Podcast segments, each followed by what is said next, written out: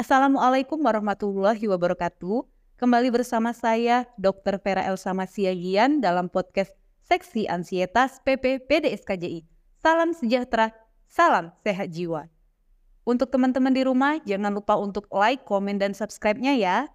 Kali ini kita bersama narasumber yang sangat spesial ada Profesor Dr. Dr. Elmeida Effendi, Magister Kedokteran, spesialis kedokteran jiwa konsultan. Assalamualaikum Prof. Waalaikumsalam, Dokter Vera. Gimana kabarnya Prof? Alhamdulillah baik. Prof, kali ini kita membawa topik yang sangat spesial, hormon stres dan cara mengendalikannya. Ya, Baik Prof, kali ini kan kita membahas mengenai hormon stres dan cara mengendalikannya Prof. Untuk stres ini Prof, kira-kira apakah ada hormon tertentu yang mempengaruhinya Prof? Iya Dokter Vera. Jadi terkait dengan stres, memang pada saat kita stres ada bagian dari otak yang memproduksi beberapa hormon tertentu sehingga jumlahnya itu jauh lebih tinggi daripada keadaan tidak stres. Hormon-hormon itu antara lain ada yang kita sebut dengan adrenalin. Jadi dengan adanya stres akan terjadi peningkatan adrenalin sehingga pada saat itu akan terjadi efek seperti jantung debar-debar, kemudian lebih banyak berkeringat. Nah, hal-hal seperti itu. Kemudian ada lagi hormon yang terkait dengan stres, yaitu kortisol. Kortisol ini juga seperti itu, sebenarnya fungsinya adalah untuk menjaga kadar gula darah. Tapi pada saat kita stres, ini akan terjadi peningkatan dari kortisol. Nah, peningkatan kortisol yang berlama-lama ini juga akan tentunya membawa dampak buruk. Kadar gula darah kita bisa bertambah tinggi. Kalau orang punya predisposisi sakit gula, diabetes ini semakin gawat. Kemudian juga bisa terjadi uh, berbagai kondisi-kondisi lain seperti kondisi pembuluh darah yang tidak baik sehingga bisa meningkatkan terjadinya penyumbatan pembuluh darah nanti berakibat stroke juga bisa. Ada lagi hormon-hormon lainnya yang cukup berperan juga norepinefrin itu hampir sama dengan adrenalin tadi kaitannya juga nanti jantung akan lebih cepat berdebar-debar. Nah itu biasanya kalau kita stres hormon-hormon itu akan konsentrasinya akan meningkat dalam darah. Jadi memang ada hubungannya ya Prof Ada. antara stres dengan hormon-hormon Iya. tadi, ya Prof ya. Hmm. Kemudian Prof, eh, apakah stres dapat mempengaruhi segala aktivitas Prof? Ya, jadi sebenarnya kalau kita lihat dari tubuh kita dari atas dari ujung rambut sampai ujung Mhm. kaki dan kemudian berbagai sistem-sistem organ yang ada, kalau kita stres itu bisa mempengaruhi. Nah, tergantung apakah stresnya ini hanya jangka pendek atau stres yang jangka panjang. Kalau stresnya jangka pendek, sebentar saja berbagai organ yang terlibat, misalnya organ eh, pembuluh darah, jantung dan pembuluh darah, tadi akibatnya jantungnya debar-debar. Kemudian nanti akan terjadi keringat berlebihan, kemudian mungkin perut kita mules-mules lagi saat stres kita seperti diare, asik mau buang air besar saja, itu juga bisa. Atau juga ke daerah respira eh, ke daerah em, apa pembuangan ekskresi, kita asik mau buang air kecil saja kalau saat stres itu bisa. Kemudian juga pada saat stres kadang-kadang kita merasa agak sulit bernafas. Sebentar itu bisa. Tapi bagi stres yang berlama-lama nanti efeknya itu bisa menjadi seperti kadar gula darahnya meningkat. Nah, di situ sudah kalau stres yang berlama-lama kemudian juga nanti akan mengakibatkan pembuluh darah kita juga harusnya jadi resistensinya itu tidak bagus sehingga nanti akan menyebabkan penyumbatan. Nah, Jadi hal-hal seperti itu dari Efek dari Iya. stres ini banyak juga ya banyak Prof. ya kalau stres ini sebenarnya kalau dari ujung rambut sampai ujung kaki. Tapi stres ini tidak selamanya buruk. Ada stres ini yang bagus juga. Mengapa kita sebut bagus? Karena stres ini sebenarnya adalah kondisi sehari-hari yang kita jumpai. Di mana kalau kita bisa mengatasinya, itu akan terjadi hal-hal positif seperti kita itu daya tahan kita semakin semakin tinggi. Jadi misalnya ada orang yang setiap hari stres nih ketemu gurunya, setiap hari kena marah terus gitu ya, stres stres. Akibatnya dia belajar dan akibatnya dia nggak takut lagi. Jadi resiliensi atau ketahanannya juga akan bagus daripada orang yang sama sekali tidak pernah dimarahi, tidak pernah seperti itu. Mungkin pada saat menghadapi cobaan dia nanti akan lebih eh, lebih ini ya lebih rentan untuk terkena gangguan. Jadi sama juga performance seseorang tidak akan meningkat kalau tidak adanya stres. Kalau kita stres, kita sebel dengan teman kita satu kantor, kita mungkin akan bersaing supaya kita lebih baik. Jadi ada motivasinya supaya lebih bagus lagi. Daripada kita yang teman kita juga biasa-biasa aja, mau bagus mau enggak, biasa-biasa aja. Toh kita prestasinya juga nggak bagus-bagus aja. Jadi stres memang ada dua macam ya Prof ya, ada yang bermanfaat dan Ya. juga yang merugikan. Iya, ada yang stres, ada yang distress kita sebut. Nah, untuk stres itu sendiri yang penting adalah bagaimana cara kita bisa mengatasinya atau beradaptasi sehingga tidak mengganggu berbagai fungsi organ yang ada dalam tubuh kita. Untuk hormon-hormon yang tadi Prof, uh, tadi kan ada disebutkan kortisol, Iya. adrenalin, sama noradrenalin. Iya. Prof ya, apakah ada hormon-hormon lain Prof yang dapat mempengaruhi stres ini? Sebenarnya banyak lagi ya hormon-hormon yang mempengaruhi stres, nanti ada serotonin, dopamin, semuanya itu juga saling berkaitan.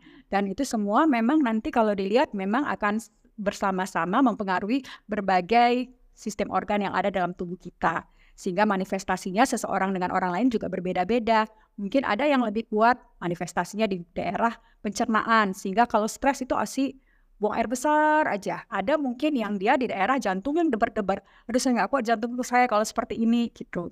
Jadi setiap orang berbeda-beda juga ya Prof ya? Berbeda-beda gejalanya, ya, ya? gejalanya juga berbeda-beda. Kemudian Prof, eh, untuk penyebab dari stres ini Prof, apakah ada hal-hal tertentu yang mempengaruhi stres ini menjadi meningkat dan menurun pada hormonnya Prof? Iya, jadi kadang-kadang kita kondisi kita stresnya sama, halnya hal yang dialami sama. Tapi ada orang yang lebih rentan mengalami stres, ada yang tidak. Nah, mengapa itu bisa berbeda-beda? Ini tergantung lagi. Ada beberapa faktor yang mempengaruhi, faktor genetik, kemudian faktor biologik, dan faktor psikososialnya tadi. Faktor genetik di situ biasanya kalau turunannya gampang stres, hormonnya juga gampang gonjang-ganjing, itu biasanya berbeda. Faktor biologis juga pada keadaan tertentu ada orang yang memang mengalami kecenderungan untuk adanya ketidakseimbangan hormonal atau neurotransmitter zat kimia otak itu juga berbeda-beda dan kemudian adanya faktor psikososial atau lingkungan itu juga berbeda-beda. Ada orang yang mungkin karena akibat uh, paparan-paparan dari lingkungannya mengakibatkan dia lebih kuat atau bahkan lebih terpuruk lagi sehingga dia lebih gampang meng- menghadapi stres itu. Jadi semua itu berbeda-beda dan itu semua mempengaruhi perbedaan juga dalam regulasi dari hormon-hormon atau juga zat kimia otak yang ada. Tadi Prof menyebutkan untuk mengatasi stres ya Prof ya. Yang Iya. katanya kan kemudian gimana nih Prof cara kita mengendalikan agar hormon stres itu menjadi stabil Prof tidak naik, tidak turun gitu Prof. Yang pertama sekali mungkin kita harus membuatnya dalam kondisi yang biasa ya. Hmm. Jadi tidak terlalu naik, tidak terlalu turun. Tentunya kita harus yang pertama melatih dengan pola hidup sehat. Pola hidup sehat atau healthy lifestyle di sini mencakup dengan kebiasaan-kebiasaan yang baik juga. Jadi mungkin sesibuk-sibuk apa pun kita harus menyediakan diri untuk berolahraga. Olahraga ringan mungkin. Kalau olahraga yang kita biasanya nggak olahraga, kemudian tiba-tiba kita coba olahraga dan agak berat, itu malah akan merangsang kortisolnya menaik meningkat ya, naik. Tapi kalau kita mulai dengan eh, yang intensitas ringan dan kita lakukan secara bertahap, tuh otomatis dia juga akan bagus. Jadi hormon seperti kortisolnya juga terjaga ya, tidak terlalu tinggi, tidak terlalu rendah. Kemudian juga tentu saja dengan mengkonsumsi makanan. Kadang-kadang kita lupa kalau ada yang enak-enak kita mau habisin terus. Jadi ada konsumsi makanan yang seimbang itu tentu saja perlu. Kemudian yang penting tapi sering terlupakan istirahat yang cukup, tidur yang nyenyak itu juga selalu berpengaruh.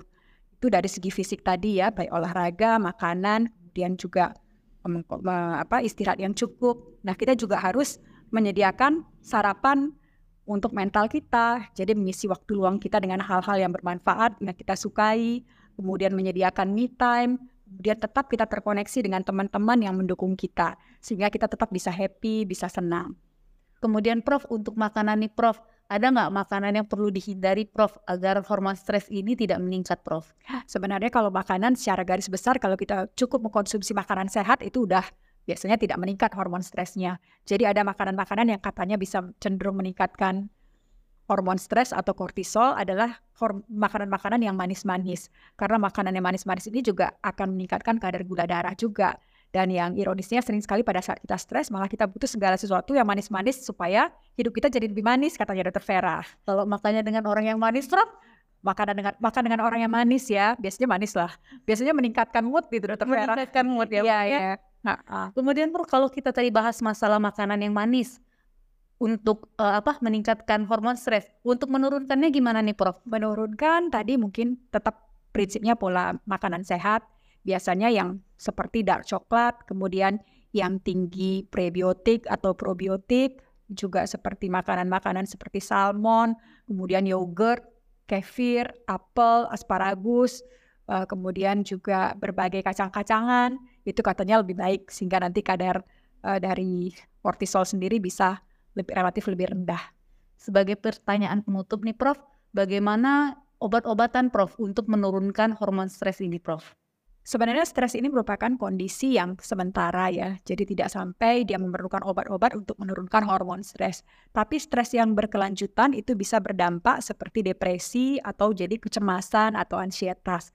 Nah, dalam taraf itulah diperlukan obat-obat untuk menurunkan atau mengobati depresinya atau ansietasnya. Tapi kalau untuk stres saja biasanya kita cukup tidak mengkonsumsi obat-obatan tertentu untuk kondisi itu. Jadi ya Prof, memang untuk stres ini balik-balik lagi ke pola hidup ya Prof ya? Ya. Untuk yang stres dengan depresi atau kecemasan baru memerlukan obat-obatan. Jika tidak, cukup dengan yang lifestyle tadi, pola tidur, olahraga, dan makanan tadi ya, ya Prof ya. Kemudian juga untuk makanan tadi ada makanan yang uh, untuk meningkatkan dan menurunkan yang perlu kita hindari ya Prof ya agar stres hmm. kita tidak menjadi meningkat dan tidak mempengaruhi aktivitas kita. Ya, iya, ya? betul Dokter Vera. Nah, demikianlah podcast kita kali ini mengenai hormon stres dan cara mengendalikannya. Terima kasih untuk teman-teman semua yang sudah menyaksikan podcast kami kali ini. Semoga bermanfaat. Untuk teman-teman di rumah yang ingin konsultasi mengenai stresnya dan cara mengendalikannya, atau ingin jumpa langsung bersama Prof kita, di mana ya Prof kira-kira Prof? Saya bisa dijumpai di Rumah Sakit USU hari Senin sampai Jumat dari jam 9 sampai setengah 12. Nah, buat teman-teman yang di rumah dapat bertemu langsung bersama Prof Elmeida di Rumah Sakit USU. Demikianlah podcast kita kali ini. Tiada kesehatan tanpa kesehatan jiwa. Assalamualaikum warahmatullahi wabarakatuh.